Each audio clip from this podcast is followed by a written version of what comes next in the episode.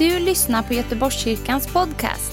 Vi vill att den ska hjälpa dig och uppmuntra dig där du är i vardagen.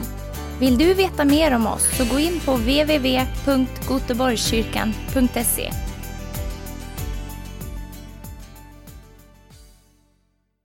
Så fantastiskt gött att få börja söndagen så här tidigt med att prisa Gud och fira gudstjänst. Men alltid lite svårt med, med nya rutiner och nya tider. Det är precis som att det sitter så här eh, ganska så djupt. Men nu ska vi köra den här tiden klockan 10 eh, varje söndag under sommaren här ända in i augusti. Hoppas att det fungerar. Vi har också eh, sommarkul för barnen, visst är det så Maria? Och eh, då träffas man i man checkar in där nere som vanligt om man var med på sommarkur, men det går också jättebra att sitta med här i gudstjänsten naturligtvis. Vi är i Romarbrevet 8 och eh, 28 och eh, fick reda på igår att eh, det här är bibelordet just 8 och 28, jag ska citera det, i den översättning som jag har lärt mig en gång. Vi vet att för den som älskar Gud samverkar allt till det bästa för dem som är kallade efter hans rådslut. Kom på fjärde plats utav de populäraste bibelorden som man nu gjorde en sån uträkning. tyckte jag var väldigt intressant, för det är ju så mycket djup i det här bibelordet. Och, och eh, nu undrar du vem som kom etta? Då ska jag säga, jag vet inte. Och så kom etta. Och sen är det så intressant att det här är olika popularitet i olika länder också när det gäller bibelord. Vi tänker att alla är precis som vi här i Sverige, vi tänker samma och så. Så är det inte, och så är det olika tider. Under eh, coronatiden var det speciella bibelord som blev eh, populärast. Men jag ska läsa lite fler eh, versar innan vi går igenom dem. Och det står ju också i vers 29 som följer där. Och nu har jag folkbibeln 98 och jag tror att den ni ser där är 2005. Men jag läser ändå härifrån. Ty de som han i förväg har känt som sina har han också förutbestämt till att formas efter hans sons bild, för att sonen skulle vara den förstfödde bland många bröder. Och de som han har förutbestämt har han också kallat, och de som han har kallat har han också förklarat rättfärdiga. Och de som han har förklarat rättfärdiga har han också förhärligat, eller egentligen Eh, gett sin härlighet till. Glory. Vad ska vi nu säga om detta? Är Gud för oss? Vem kan då vara emot oss? Ja, jag är glad att det var två stycken som uppskattade det bibelordet. Han som inte skonade sin egen son utan utlämnade honom för oss alla.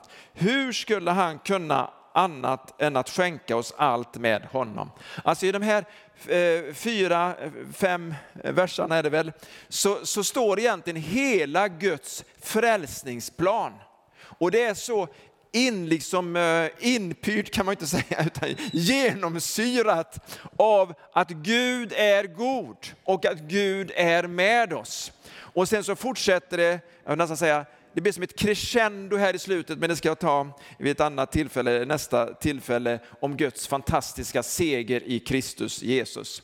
Men det är ju så här, när man har det jobbigt, när man upplever kanske den värsta perioden i ens liv eller har varit med om det, så kan man tvivla på att Gud klarar av att samverka allt till det bästa.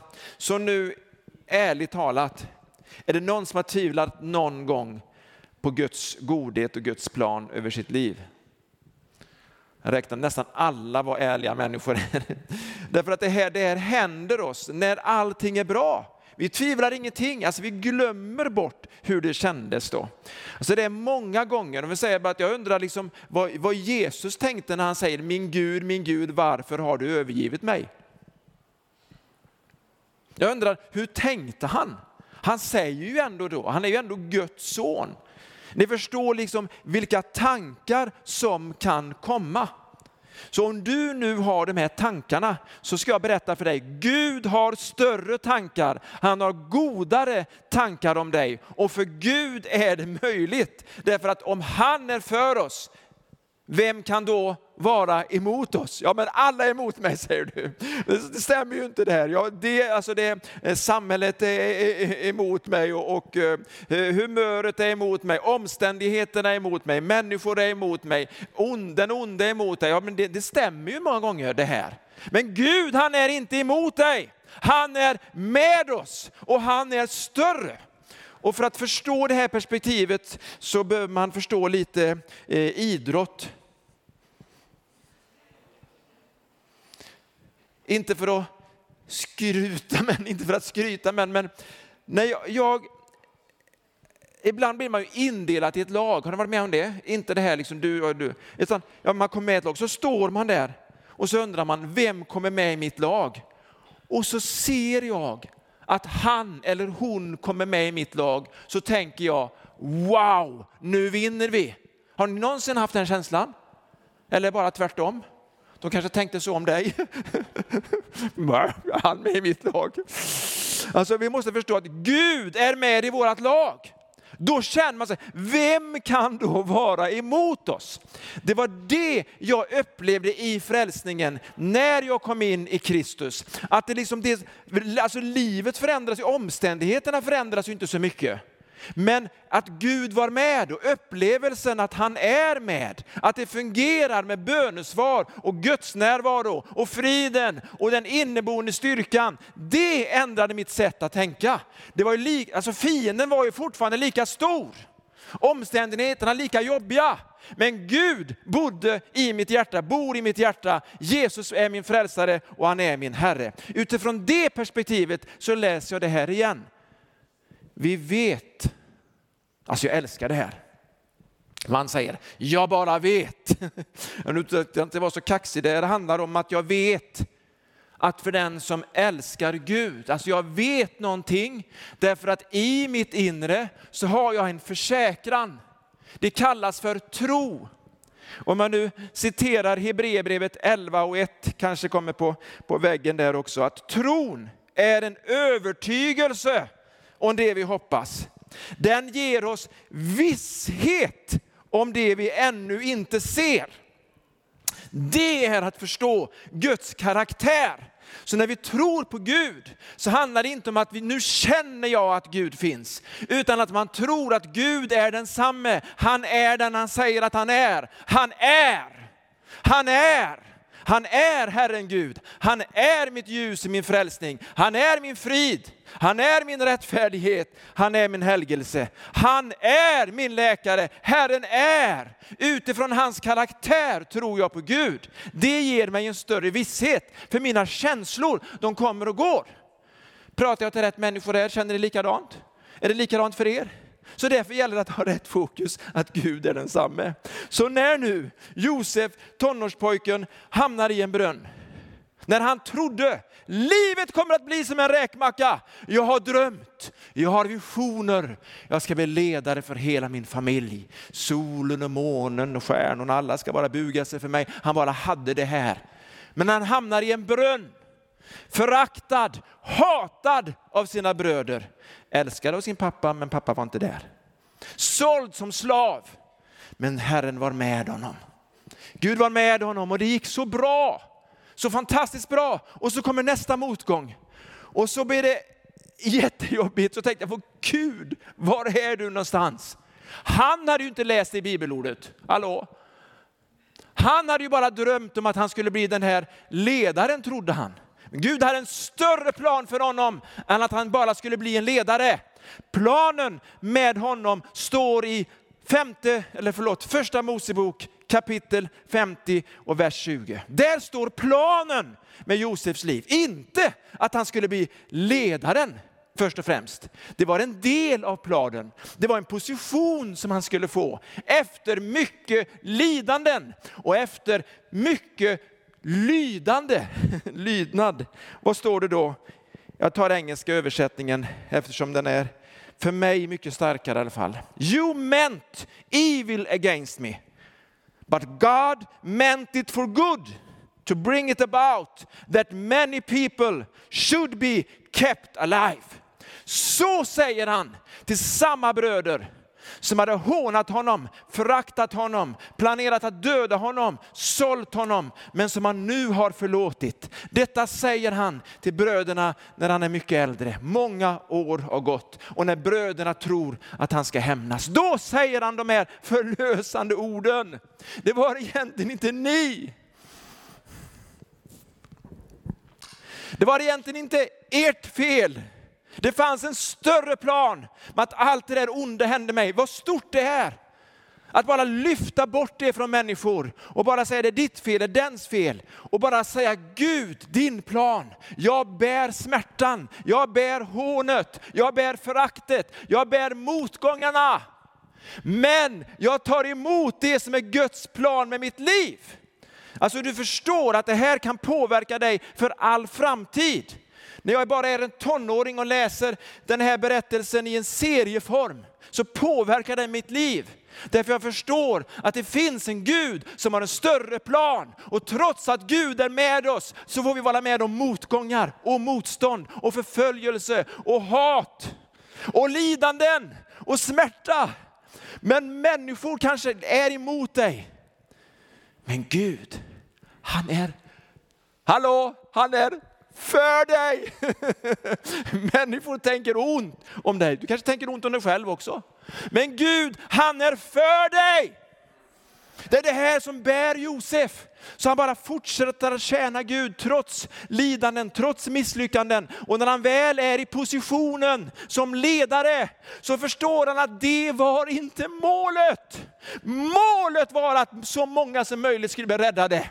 Målet var att så många som möjligt skulle slippa dö av hungersnöd. Målet var att rädda sin familj. Inte att vara där över dem, utan att vara där för dem. Sådan är Gud.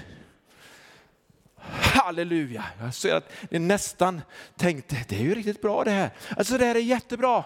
Och tron kommer av predikan som Boris predikar om. Tron kommer av hörandet som egentligen eh, ordet säger. Alltså ett lyssnande där vi inte bara hör, tar emot information, utan vi lyssnar och vi gör. Det, den tron, den växer när vi lyssnar och gör. Så var det för Josef och många blev räddade. Då står det ju så här lite senare de som han i förväg har känt som sina har han också förutbestämt till att formas efter hans sons bild. För att sonen skulle vara den förstfödde bland många bröder. Alltså Gud har ju en plan. Som är större än vad vi tänker. För när någon, ja Gud har en plan, jag ska bli något stort. Eller som många ungdomar, kanske äldre också, men sällan över 30 säger, jag ska bli känd. Alltså det viktigaste är att bli känd. Alltså, Gud känner dig, det är stort nog. Alltså våran kallelse är att göra Gud känd, förhärliga hans namn, hamna där han vill att vi ska vara. Vi kan bli ökända också, det är inte så roligt. Men vi kan också bli erkända. Ja, men först och främst så erkänner vi Gud. Men då står det här konstiga ordet, svåra ordet, det är ju inte konstigt alls, att han har förutbestämt oss till att formas efter hans sons bild. En del säger, inte jag, att somliga är förutbestämda till att bli frälsta.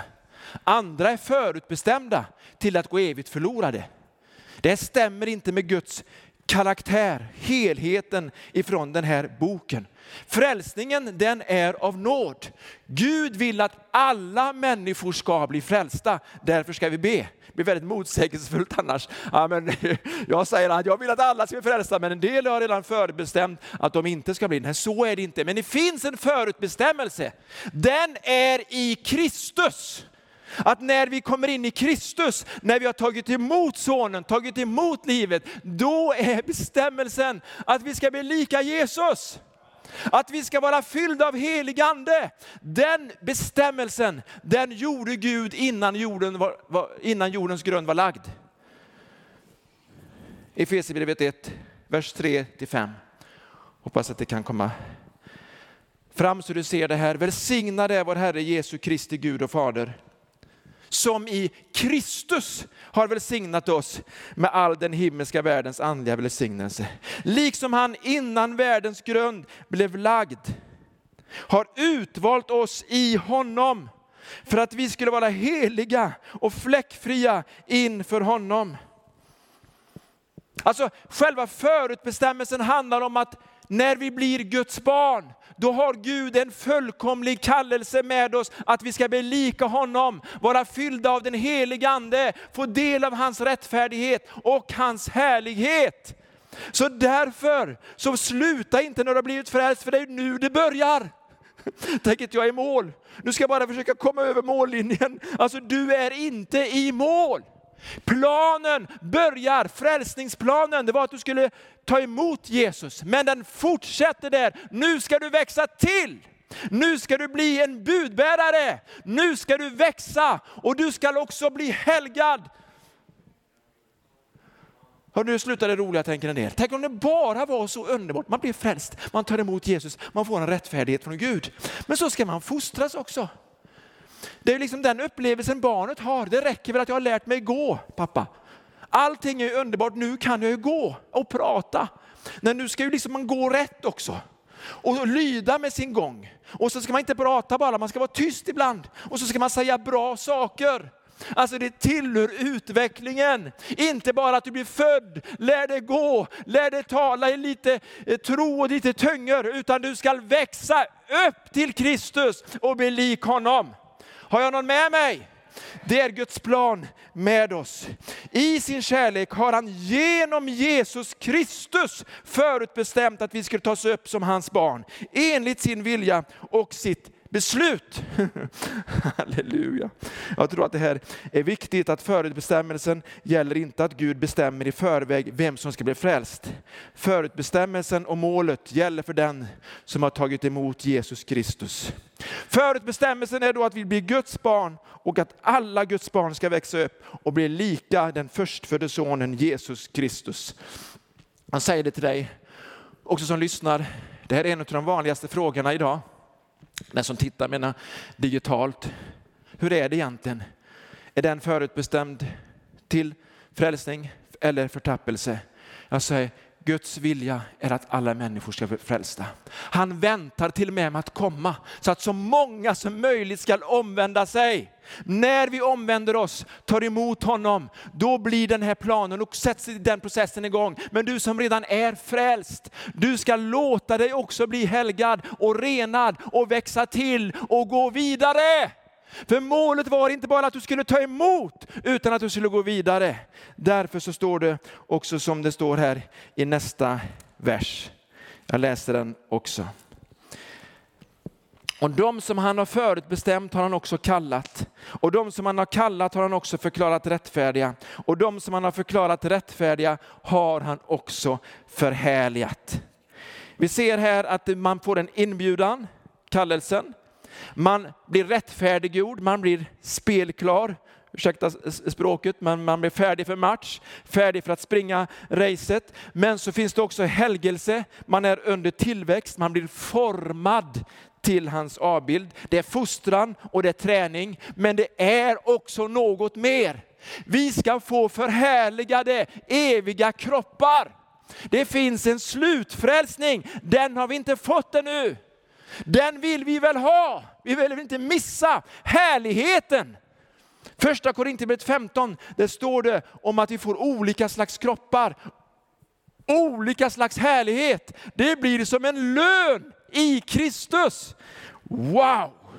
Alltså det, det får, ett nytt, får oss att tänka med ett nytt incitament, alltså ett nytt, man förstår, det blir en lön, det blir en konsekvens av hur vi lever här på jorden. Bestämmer härlighetens, eller framtidens, evighetens härlighet. Och så står det igen då, jag läser den vers 31, vad ska vi nu säga om detta? Är Gud för oss, vem kan då vara emot oss?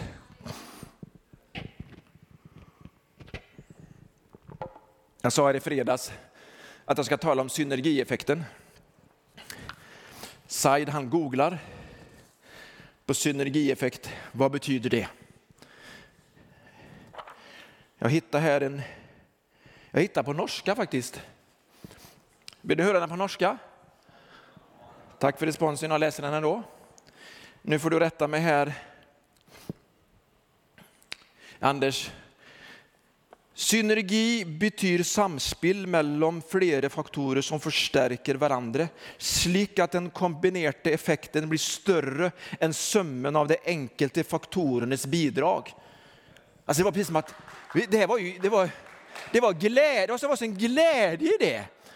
Det är ju så vi uppfattar norskan. Det, det, det är precis som att vad roligt det är att leva, vad härligt det är att säga saker.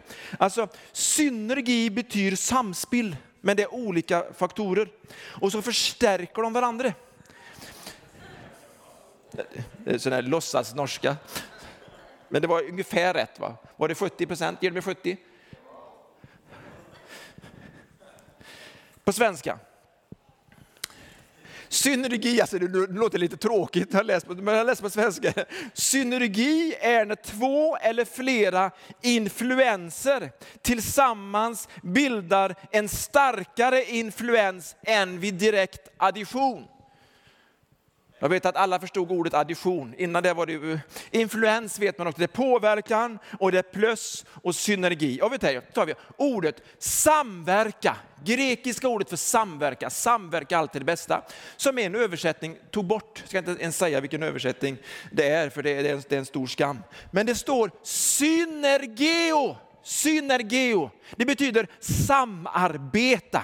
Alltså arbete, det har att göra med energi, kraft, alltså en process, någonting man gör tillsammans.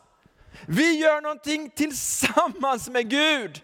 Vi tar emot Jesus Kristus och Guds nåd verkar i oss. Vi tar emot hans ande, helgelsen kommer fram. Det är samarbete med Gud. Den heliga ande inom oss ber, Romarbrevet 8, 26, 27, eh, verserna innan. Den heliga ande ber inom oss. Det är samverkan, vår ande, Guds ande säger vi är Guds barn. Jag ber. Det blir två influenser. Och det blir inte ett plus ett som blir två, utan det blir ett plus ett som blir biljarders biljarder. är ni med? Inte bara tre, det är liksom fött i synergi. Eller två plus två är fem. Alltså det är för svagt. Ett plus ett med Gud, det är allt. Hallå! Det han är med oss. Så synergieffekten, alltså man har lånat det här ordet ifrån grekiskan, det står ju inte i Bibeln om synergieffekten, men vi förstår ju att det handlar om att samarbeta, samverka med Guds ande som bor inom oss. På så vis upplever vi att Gud är med oss, för vi blir i övertag. Vi blir övervinnare när Gud inte bara bor i oss som en lägerupplevelse med tre ord på tönger, utan han bor i oss som en hjälpare, som en ledare, som en tröstare. Halleluja! Som får oss att be, som får oss att våga saker, som får oss att förkunna, att vittna och att tro mitt i alla omständigheter. Om Gud är för oss, vem kan då vara emot oss? Alltså jag känner så här, jag är så glad för att jag är på den segrande sidan. Ni vet att sen jag var liten jag har älskat böcker och stories som har handlat om gott och ont. Men ibland när jag varit lite tveksam så har jag kollat lite i slutet. För att jag vill inte läsa ut en hel bok om jag inte vet att det goda segrar. Jag vill inte ens se en film om jag inte vet att det goda segrar. Därför att det är så viktigt för mig att det liksom det goda segrar när jag blir frälst. Och jag förstår av den helige ande, jag förstår av bibelboken, den gode segrar. Då vill jag läsa ut allt, leva allt, vara med till sin mål. Jag vet att vi vinner men vi måste spela matchen. Jag vet att vi vinner men jag kan inte lägga mig ner och låtsas som att jag är skadad. Jag vet att vi vinner men jag måste fortsätta passa, sköta mig och inte bli utvisad. Jag vet att vi vinner. Jag ska gå ända fram, ända in i mål och jag ska vara med när alla jublar i härligheten. Woo! Halleluja! Hälften förstod det här. För er övriga ska jag berätta någonting mer. Nu är vi tillbaka till 28. Allt till det bästa. Det står inte i grekiskan det bästa. Det står någonting ännu bättre. Det står God for good. Det låter bra va? Det innebär att ordet för alltså, samverkan, allt till det goda.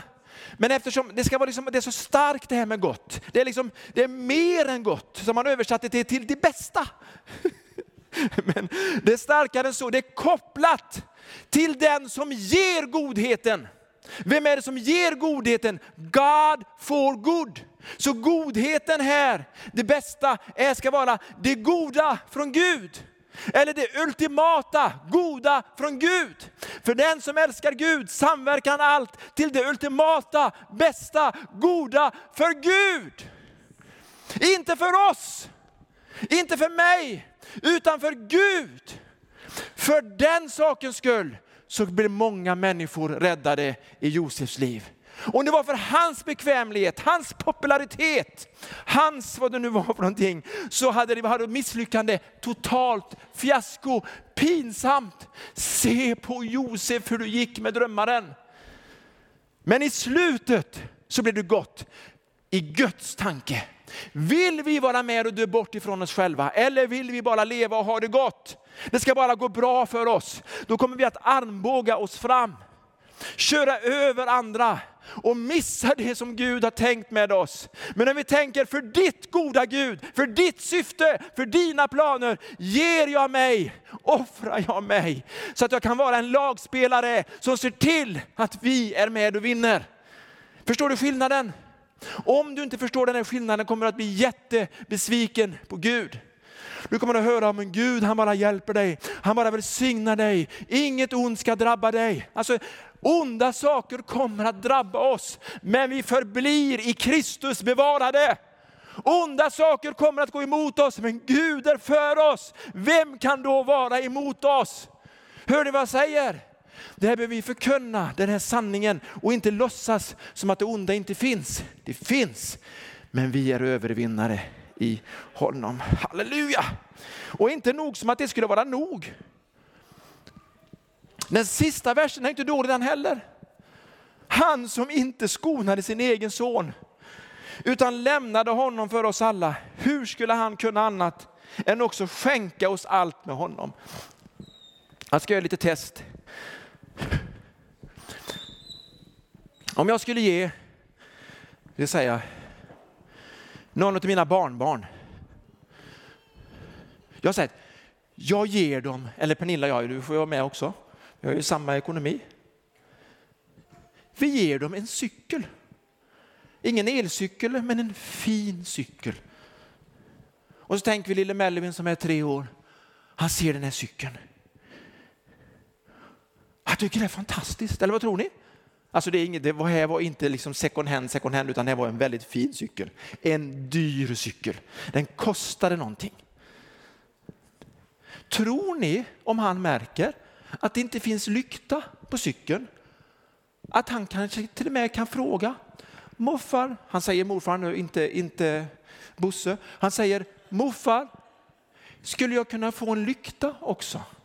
Eller morfar, jag vill ha en fotboll också. Tror att, han, tror att han skulle tänka sig, om man säger det till morfar blir han jättearg, för han har ju gett en cykel. Det är liksom, nej, det är, nu är det slut på det goda. Det finns ju inte i hans tankevärld. Eller hur? Om Gud har skänkt oss allt med honom, inte offrade sin egen, alltså inte skonade sin egen son. Han har gett oss det bästa, det ultimata, sin egen son. Ska han då inte kunna ge oss allt? Jag frågar er, Paulus frågar er, han frågar mig. Jag tänkte på det här igår att ja, men det är ju en jättebra sanning. Jag måste tänka bättre och större om Guds godhet, för han har redan gett oss det bästa. Frälsningen, sin egen son, han har offrat. Wow! Eller? Vi har ju slutat att säga halleluja i kyrkan, vi kan väl säga wow! Awesome! Good! Halleluja! Jag säger det går ju bra det också. Han säger det här bara för att jag tycker att när man talar så här och det blir så stort så kan det också vara en liten sak vi behöver från Gud. Han har råd med det också. Han vill ge dig det också. Ja, men det är fantastiskt, jag har blivit frälst. Det får räcka med frälsningen. Ja, det är det största. Du kan få allt med honom. Hur mycket kan vi få? Hur mycket? Om Gud samverkar, något till det bästa. Det är fantastiskt, eller hur? Men han samverkar. Kom igen, han samverkar. Och vi får. Det är allt bra det.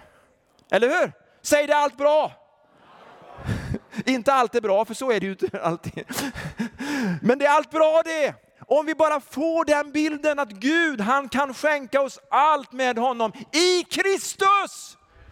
Inte som bortskämda barn. Jag lever mitt eget liv och så ska jag ha det och ska jag ha det. Jag bara är i honom. Jag vill överflöda i honom. Jag vill att andens gåvor ska flöda igenom mig. Jag vill att hans godhet ska flöda igenom mig. Jag vill se fantastiska under och tecken. Men jag vill också se de där vardagsbönesvaren som bara gör mig så glad. Alltså jag tillhör dem som blir så glad så jag, jag ska bara berätta ett litet exempel. Jag sitter i Uganda. Jag tänkte på det dagen. Jag får kaffe där och de, det smakar ingefära. Jag tänker nej det här är inte bra. Jag säger till dem, hur har de lyckats lägga ingefära i kaffet? Men det var, här var i, i Uganda. Och så säger jag till dem, jag vill inte ha ingefära i kaffet. Och de säger ju yes sir. Och jag är väldigt tacksam. Tills nästa morgon när jag också får ingefära i kaffet. Jag tänker liksom, jag kan inte bli arg. Det, det är ju liksom, det är ändå något gott, alltså de vill ju väl. Så, men så tänkte jag att när jag, jag, jag, säger, Två gånger, en gång är ingen gång, jag säger inte det, men, men två gånger är mycket. Jag vill ha kaffe som smakar kaffe, inget socker, inget ingefära. Jag vill ha kaffe. Förstår ni mig? Är det någon som förstår mig? Ja. Och så kommer tredje dagen. Och så tänker jag så här, nej det var riktigt gott med ingefära. Då tänker jag, nej men jag, nu ska jag bara vara tacksam. Kommer det ingefära i kaffe? Jag ska bara vara tacksam. Visst man kan känna så?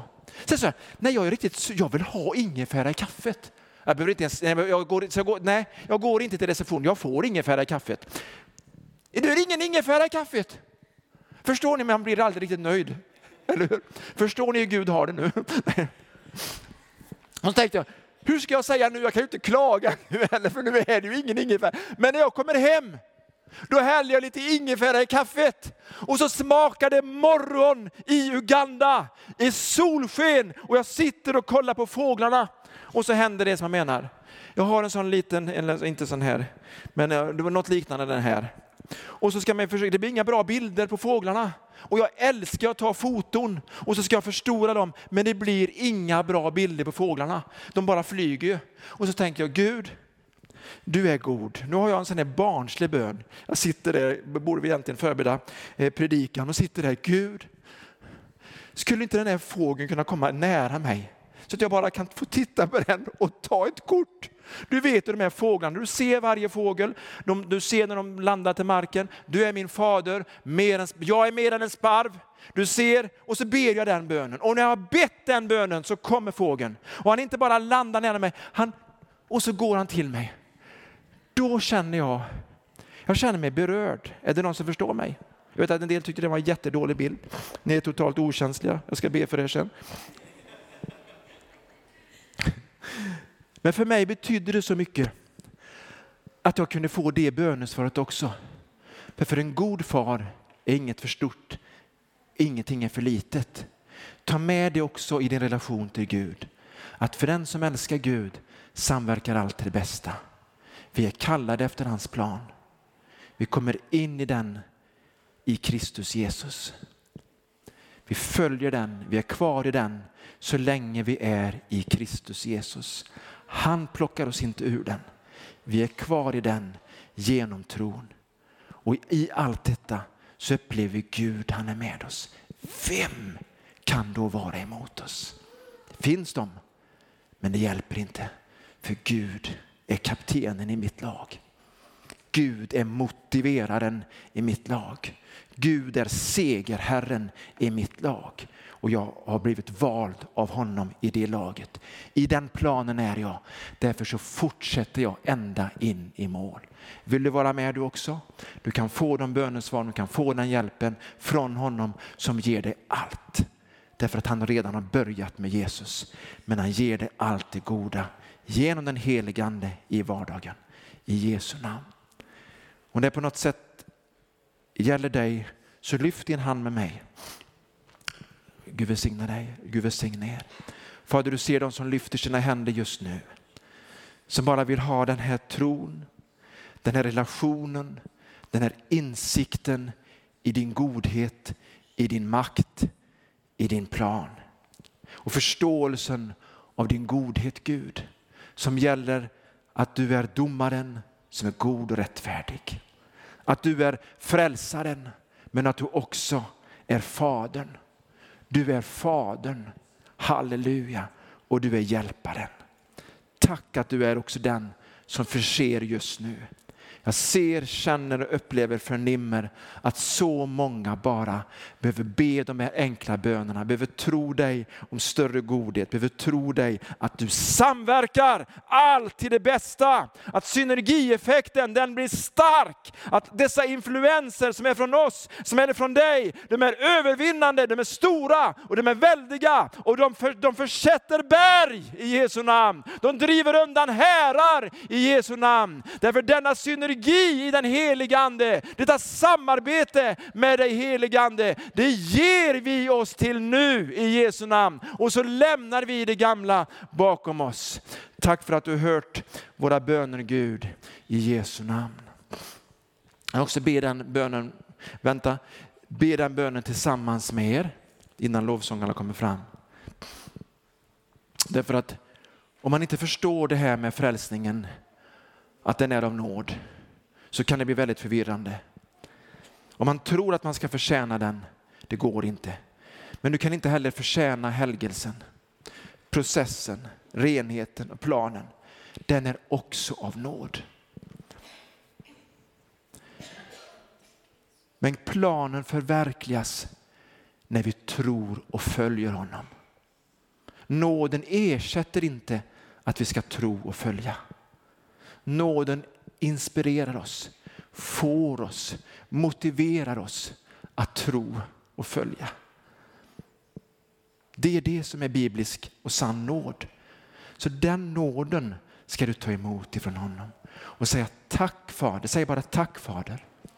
Tack Fader för din gåva. Säg det högt. Tack för din gåva. Jag har inte förtjänat den, men jag tar emot den ändå. Därför att du är god och därför att du älskar mig. Och jag vill älska dig tillbaka. Och du samverkar allt till det bästa. För jag tror och jag följer och jag tar emot din frälsning men också dina gåvor. I Jesu namn. Amen. Varsågod lovsångare. Tack Jesus. Och du som följer oss här eh, via Facebook, du kan också bara ta kontakt med oss, eh, skriva vår infoadress info.goteborgskyrkan.se och så kan du dela just det som finns på ditt hjärta och du kanske förhoppningsvis har tagit emot Jesus, eh, vill ha förbön, vill bara berätta någonting fantastiskt, gör det. Det gäller naturligtvis alla er som sitter här också så att vi kan ha den här delaktigheten. Tack Jesus. Tack för att du har lyssnat. Dela gärna podden med dina vänner och glöm inte prenumerera. Om du har frågor eller vill att vi ska be för något så mejla oss på info På söndagar har vi veckans höjdpunkt. Då firar vi gudstjänst tillsammans och det vore så kul att träffa dig där. Men vi har även samlingar för barn då? Gå in på vår hemsida goteborgskyrkan.se så får du veta mer. Välkommen till oss!